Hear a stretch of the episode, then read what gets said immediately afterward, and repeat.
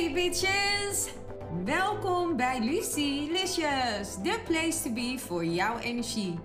Mijn naam is Lucille en in deze podcast gaan we het hebben over jouw sterrenteken en welke energie je kan verwachten voor deze week. Are you ready? Let's go!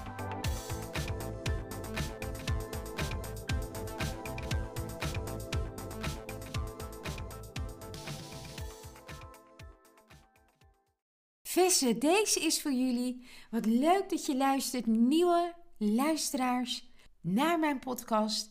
En we gaan gelijk beginnen, want de energie voor jullie voor deze week is een nieuw begin en in het moment.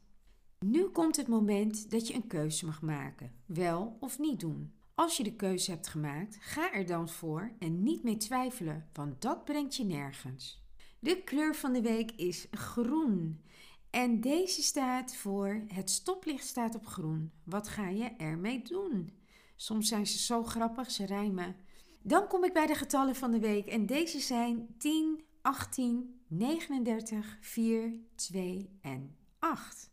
En de boodschap van de week is: laat anderen niet de keuze voor je maken, blijf bij jezelf. Zo voorkom je misleiding. Dan kom ik bij de tip van de week en deze luidt: Luister naar je dromen. Deze vertellen jou wat je in het dagelijkse overdag niet oppikt.